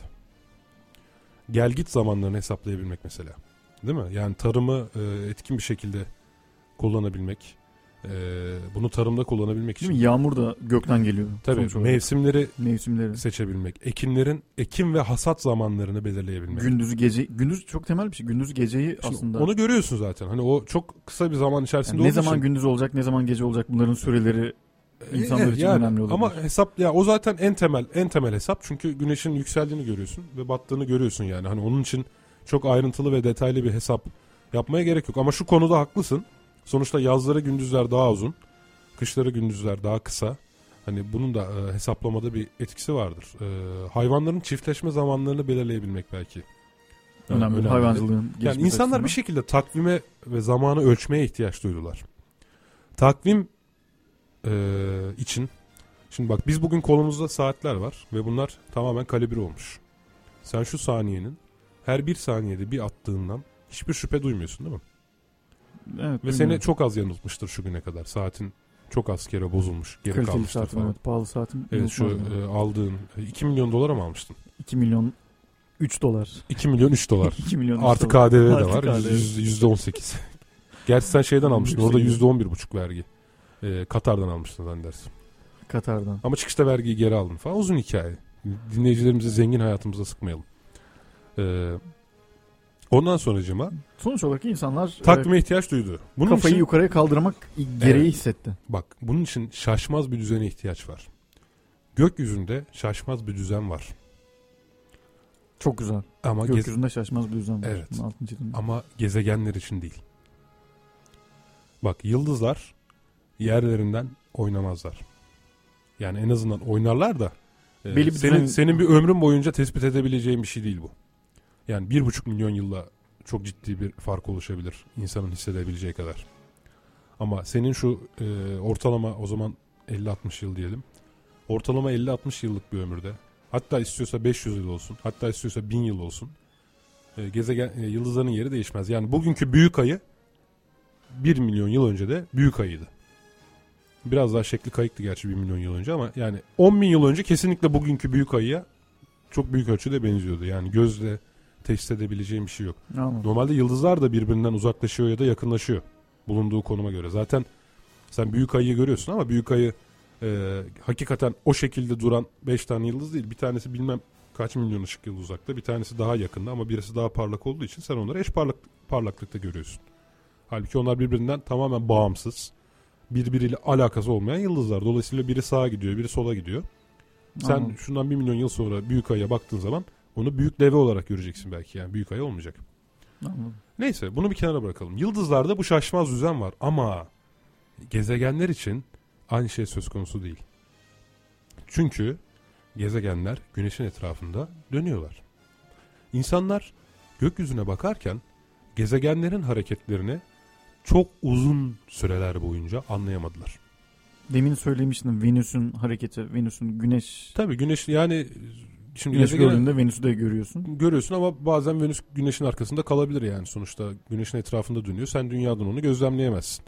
Bazen güneşin altında, bazen güneşin üstünde, bazen sağında solunda, bazen yok. Hı hı. Anladın mı? Veya bir Jüpiter e, bugün gökyüzünde belli bir noktaya kadar gidip oradan geri dönebilir yani. Tabi bu bir günde olacak iş değil de. Peki Sen Jüpiter'i hep takip ettiğini varsayalım. Bak şimdi gökyüzüne baktığın zaman gökyüzünde o resim değişmiyor. O resmin içerisinde gezen tek şey gezegen. Zaten isminin gezegen olmasının sebebi de o. Evet, çok Yani gökyüzünde gezegenler yaramaz bir çocuk gibi dolaşırlar. Gece boyunca da dolaşırlar. Mevsim boyunca da, yıl boyunca da dolaşırlar. Peki o dönemki insanların e, bu gezegenlere tanrısal özellikler e, vermesinin sebebi bu Tabii. hareket Yani gezegenlerin hareket kabiliyeti olabilir mi? evet düşünsene gökyüzü zaten muhteşem merak ettiğin inanılmaz bir şey. Ya onlara canlı bir varlık gözüyle bak- bakılıyor olabilir mi? Aynen. Aynen. Zaten gökyüzünü canlı varlığa benzetmek çok eski bir teamül. Yani e, Samanyolu biliyorsun. Gerçi biz şehir ışıklarından çok göremiyoruz onu ama çok karanlık ve gerçekten ışık almayan güzel bir köye, sahile vesaire gidersen Samanyolu'nun adının da geldiği İngilizce'deki, İngilizce'deki Milky Way aynı zamanda bir yol şeklinde olduğunu görürsün. Eski insanlar bunu bir hayvanın omurgasına benzetmişler. Yıldızları da e, bu hayvanın postundaki deliklerden arkasındaki cennet ya da ateş görünüyor diye mesela tahayyül etmişler. Anladın mı? Yani zaten canlılara benzetme eğilimi var. İşte Babilliler ne yapmışlar abi? Babilliler demişler ki bu o zaman bilinen henüz görünen 5 gezegen yani Merkür, Venüs, Mars, Jüpiter, Satürn bunlara tanrı olduklarını düşünmüşler. Ne kadar? Bunların her birine bir isim vermişler. İlk Babilliler hatta astroloji de buradan doğuyor aslında senin söylediğin. Aa, astroloji de buradan doğuyor aynen. Ee, o zaman milattan önce 2000 yıllarında Batlamyus. Ee, yok Batlam- Batlamyus milattan sonra 2. yüzyıl. Milattan önce 2. bin yıl dolaylarında e, Babililerin tabletleri var. Enuma Anu Enlil ismi. Hı hı. Yer ve gök tanrısı e, gibi bir anlamı vardı. Yanlış hatırlamıyorsam. Burada 70'e yakın tablet var. Bu tabletlerde e, ilk astroloji doğuyor zaten. Mundan astroloji dediğimiz. E, mundan astroloji bugün bildiğimiz anlamdaki astroloji değil. Mundan astroloji gök cisimlerinin hareketleriyle ulusların ülkenin kaderi arasında bağlantı kuran astroloji. Mesela diyor ki e, işte Jüpiter e, Oğlak burcundaysa ve giderek aşağıya doğru gidiyorsa o sene bir kral ölür. Ya Oğlak Burcu'nun değil de Jüpiter şu hareketi yapıyorsa O zaman da burçlar var. Burçlar daha önceden bulunuyor. Daha önceden değil aslında burç dediğimiz şey. Şimdi senin ge- şöyle söyleyeyim sana. Sen şu an neredesin? Bir radyo binasında Evet. oturuyorum. Bak, program sana yapıyorum. neredesin diye sorabilmem için senin şu an e, binanın adını söyleme ihtiyacı hissettin değil mi? Yani Evet. bulunduğun konumu tam olarak bana söyleyebilmen için nerede bulunduğunu söylemen gerekiyor. Hı hı. Dolayısıyla Jüpiter'in gökyüzünde herhangi bir yerde olmasını söyleyemem, söyleyebilmem için benim gökyüzünü önce bölgelere ayırmam lazım. Hı hı. Bu bölgelere ben nasıl ayırmışım? Gökyüzündeki takım yıldızı. Takım yıldızları var ya, Oğlak takım yıldızı, Hı hı. yengeç, bu, e, akrep vesaire. İşte Hı hı. onlar gökyüzündeki o alanlar zaten. Dolayısıyla sen Jüpiter Oğlak burcundayken diyebiliyorsun. Burada daha burç kavramı doğmamış. Kişisel astroloji daha doğmamış. Ama sen gökyüzünü bölgelere ayırıp ona isim vermişsin artık. Anladım. Anladın mı? Yani gezegenlerden önce ilk başta gökyüzünü bölgelere ayırıyoruz. Daha sonra da Yani bölgelere ayırıyoruz derken bu çok bölgelere ayırma e, prensibiyle veya bu amaçla yapılmış şey değil zaten. Şimdi sen gökyüzüne sen e, şu ufka bakıyorsun. Hı hı. Eşeğim nerede? Köylüsün. Şu dağın ardında diyorsun işte. Dağın başına bakıyorsun. Dağ beyaz olduğu için ona Akdağ diyorsun. İlk eski isimlerde böyle doğmuş zaten. Hı hı. Aynı o mantıkla eski insanlar da gökyüzüne bakmışlar. İşte efendim büyük ayıyı ayıya benzettikleri için büyük ayı, aslanı aslana benzettikleri için aslan. Anladın mı? Hı hı. Bunlara isim vermişler. Ve dolayısıyla bu arada zaten bu 12 burçluk e, astroloji var ya şu an kullanılan popüler astroloji. Hı hı. O da zaten güneşin Bu Batı'nın bir de Doğu'nun Çin'in var. e, Batı'nın. tabii Çin'in de var ama Çin- fark etmiyor. Çin, Çin de benzer isimler vermiş ve e, onlar da aynı benzer isimleri kullanıyorlar. Tamamen algıda seçicilik mevzu zaten. Yani şu- biz yıldızları bugün keşfediyor olsaydık der Carl Sagan, Carl Sagan köşemize geldik. Belki ona Elvis Presley adını verecektik anladın mı? Hani bu tamamen senin keşfettiğin dönemde en çok hangi işlerle uğraştığın, nelerin popüler olduğuyla alakalı bir şey. Evet beynindeki hangi Tabii algıda seçicilik yani şimdi e, sürekli şekilde bağlantı kurdun. evet kadınları düşünen bir adamın Marilyn Monroe. gökyüzüne bakınca Marilyn Monroe ya da göğüs falan yani anladın mı? Böyle bu tip organlar görmesi vesaire falan filan doğal olurdu. Evet. Ee, benzer bir şey bugün Rorschach testi var biliyorsun. İnsanlara mürekkep lekesi gösterip o mürekkep lekesini nelere benzettiğinden yola çıkarak Psikolojisini, psikanaliz yapmaya çalışıyorlar. Psikolojisini test ediyor. Ha, bu da o mantık yani. Şimdi işte o zaman e, Babiller şuna inanıyordu. Gezegenler birer tanrı ve bunların nerede oldukları, bunların buluşmaları, ayrılmaları, birbirine yakın olup olmamaları dünyanın kaderini belirliyor zannediyorlardı.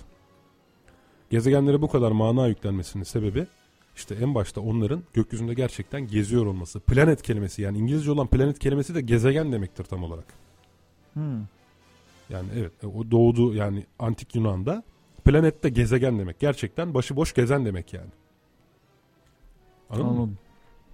Şimdi e, tabii Antik bu Yunan'da da bu, bununla ilgili başka şey düşünceler gelişiyor daha sonra. e, var tabii daha sonra gelişiyor. E, Babillilerin e, bu mundan astrolojisi Hı hı. e, yani sadece ülkelerin ve kralların e, şeyi kaderiyle ilgili astrolojisi derken Mısır'a e, sıçrıyor. Milattan önce 332 yılında İskender, Büyük İskender şeyi fethediyor ya. E, İsk- İskenderiye'yi fethettikten sonra. işte İskenderiye Mısır zaten. İskenderiye dediğimiz aslında. İskender ya daha doğrusu İskender Mısır'ı fethettikten sonra İskenderiye kentini yaptırıyor. Adı o yüzden İskenderiye zaten kendi yaptırtıyor Hı hı, yani. hı. Ve oraya biliyorsun en büyük çağın en büyük Çağın en büyük kütüphanesini kütüphanesini dikiyor. Bu kütüphaneye antik Yunan'dan da bilim adamları geliyorlar. Çağın bilim adamları. Bunlardan bir tanesi de Batlamyus. Hı hı. Batlamyus da buraya geliyor. Astrolojiye bayağı merak sarıyor. Sonra Tetrabiblos'u yazıyor. Tetrabiblos'ta da Batlamyus ilk defa şeyin örneklerini vermeye başlıyor. Bugün bildiğimiz anlamdaki horoskopik astrolojiyi yani doğumsal astrolojiyi veriyor. İşte hatta kitabımdan alıntı yapacağım da yanımda getirmedim ya. Keşke yanımda getirseydim. İyi yanında. yazılmamış kitabı yanımda nasıl getireyim? Gerçi yazılmamış kitaba Türkiye'de yasak getirilebilir biliyorsun. Neyse. Neyse. Ondan sonracığıma nereden geldik ya şimdi gene bu konuya neyse. Ee, Neyse, mesela İslam- orada diyor ki Ağustos ayında doğanlar yani Aslan burcunda olanlar kıvırcık Güçlü, saçlı olur. olur, sarışın olur. Evet falan filan şöyle yaratılışlılar böyle falan filan. İlk bunun şeyini ortaya atıyor. Ee, bu da ilk başta sadece krallara uygulanırken zamanla kralın dayısına, emmisine, halasına derken zamanla elitlere, derken zamanla halka ve işte 1930'dan beri de gazeteler yoluyla hepimize Sirayet ee, ediyor, iniyor. Evet. En sonunda bu arada bunu yazdım kitabımda. Ee, 1930'larda başlıyor gazete astrolojisi. Bilgin olsun. Şimdi çok astrolojiye girmek istemediğim için burada kesiyorum. Bu çok başka bir programın konusu. Hı hı Üstelik çok hı. zevkli bir konu aslında. Ee, şimdilik kesiyorum. Şuraya gelmek istiyorum. Batlamyus çok çok çok uzun yıllar e, astroloji ve astronomi o zaman beraberler henüz birbirinden ayrılmadılar. Gökyüzüyle ilgilenen herkes aynı zamanda kahin.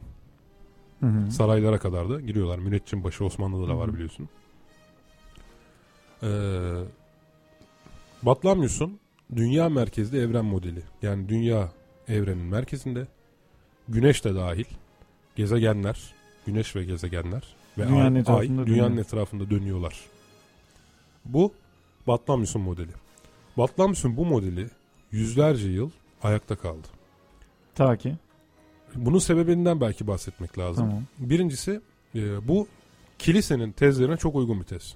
Kiliseye göre dünya çok özel bir yerde çünkü. Anladın mı? Biz varız.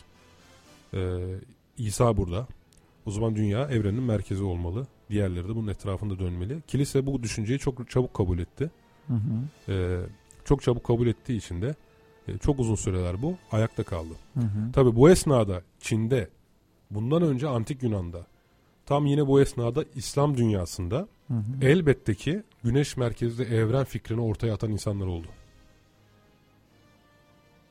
Mesela. Mesela Sisamlı e, isimleri aklıma tutamıyorum ki Yunanların hepsinin ismi birbirine benziyor. Sisamlı evet dur Sisamlı Sisamlı'yı hatırladım ama devamını ben de hatırlıyorum. Ben de bakacağım. Sisamlı bir bilim adamıydı. Aristakes Arkitas öyle bir şey olması lazım. Öyle bir şey olması lazım. Bulalım buradan. Ezbere konuşmayalım. Artık ezbere konuşmayalım ya. Madem elimizin altında internet var. Rakamları da bazen diyoruz ya atıyorum şu kadarsı bu kadarsı diye. Atmayalım. İnternetten bakalım öyle değil mi? Sisamlı Aristarkus. Aristarkus'a. O eee, devam et. Madem buldun. Sen oku oradan. Sisamlı Aristarkus günümüze kadar ulaşabilen ay, ay ve güneşin büyüklükleri ve uzaklıkları isimli güneş merkezli evren modeline dayanan eserin sahibi. Evet. Sistemli Aristarkos milattan önce 260 civarında bu arada buna gün merkezli evren diyoruz. Gün merkezli evrene dair felsefi düşüncelerine ortaya atmış. Hı hı. Ama inanır mısın o dönemde de kendisi e, çok dikkate alınmamış üstelik dinsizlikle suçlanmış. Milattan önce 260. Evet.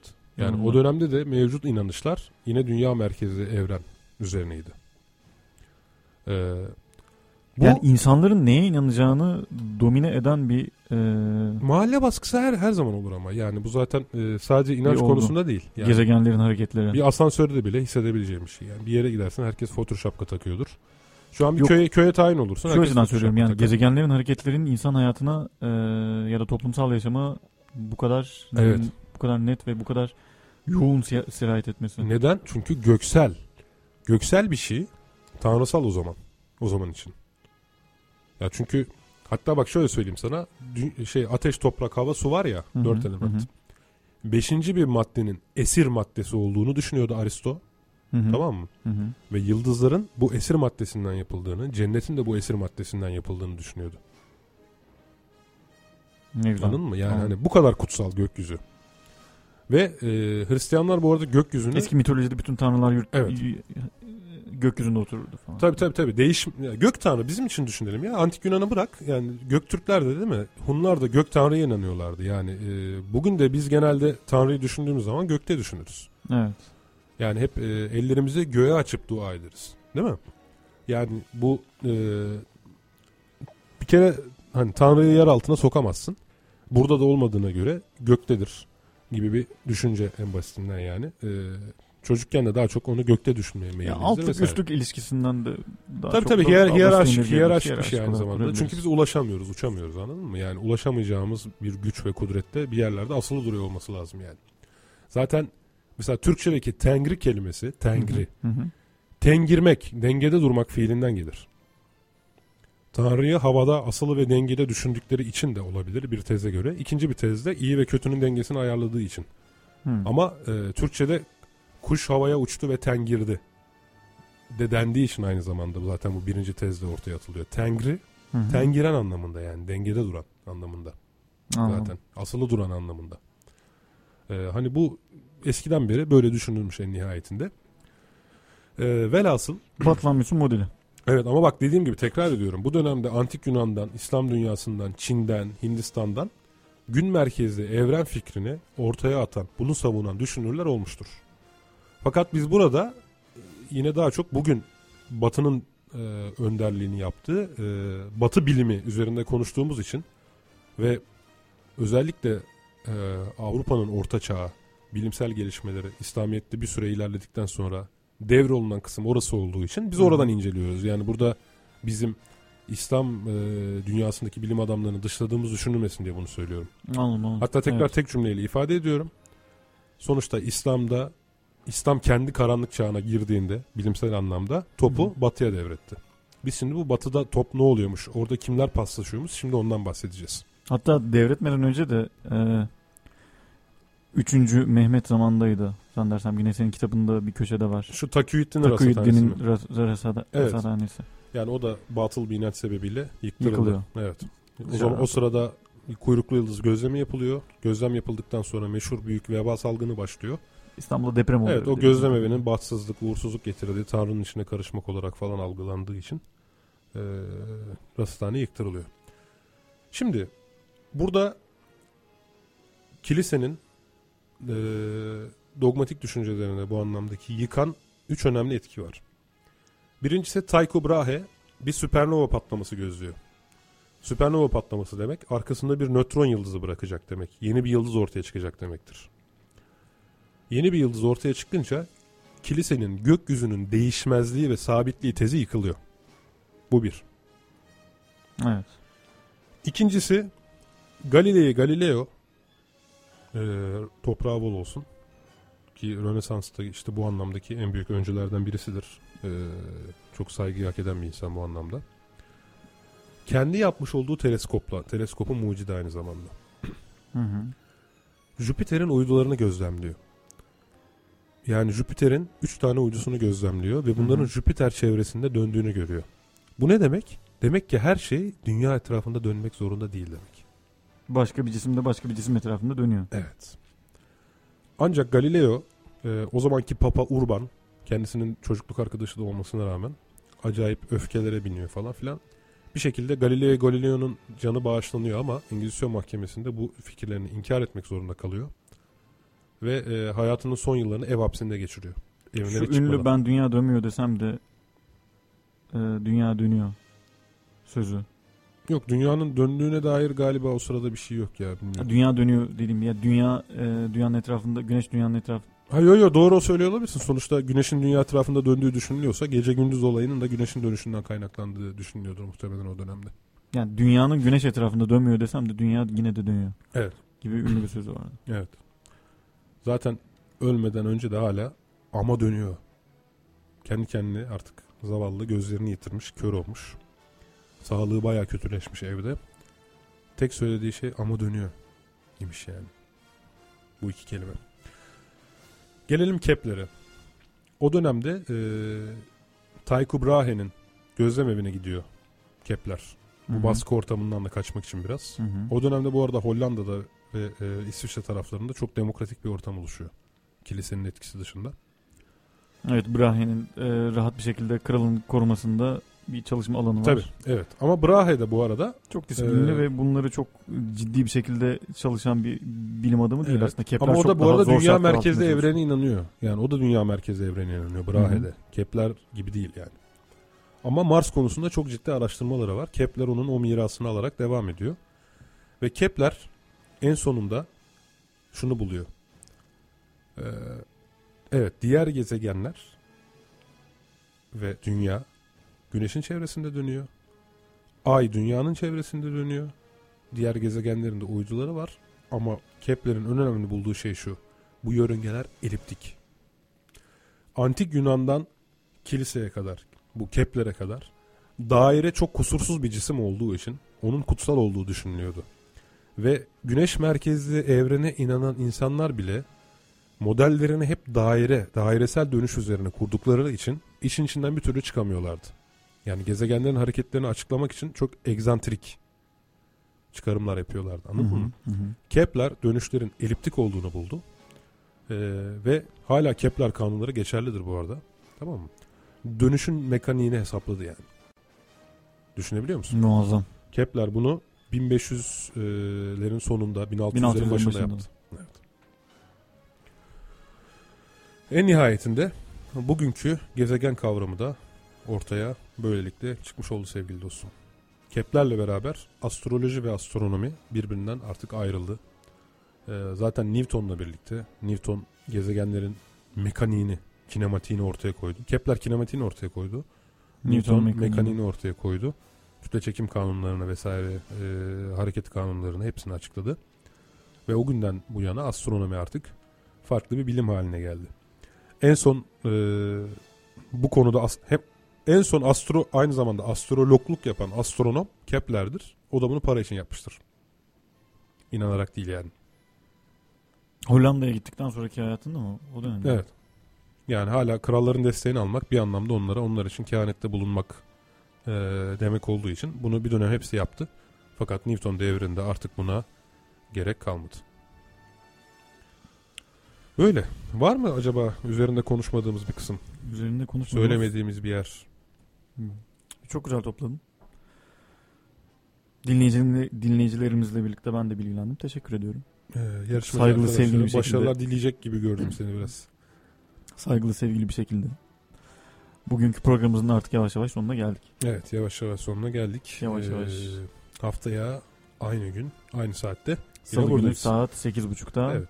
Açık Bilim Radyo programı her salı saat 20.30'da Radyo 91.6 Evet Radyo 24'te yani. Radyo 91.6 24'te frekansından 91.6 yayın yapıyoruz. frekansında. Ee, İstanbul'da dinlenebildiğimiz için maalesef dinleyicilerimiz bizi e, www.radyo916 Radyo916.com'dan ulaşabilirler. Evet. Ee, yukarıda canlı dinle diye bir buton link var. var. Evet, Buton var. ona Ona bastıkları basarak zaman e, bazı tarayıcılarda açmayabilir ama onu da söylemek lazım. Birçok kişi bana şey söylüyor çünkü tarayıcılarda açılmadığını söylüyor.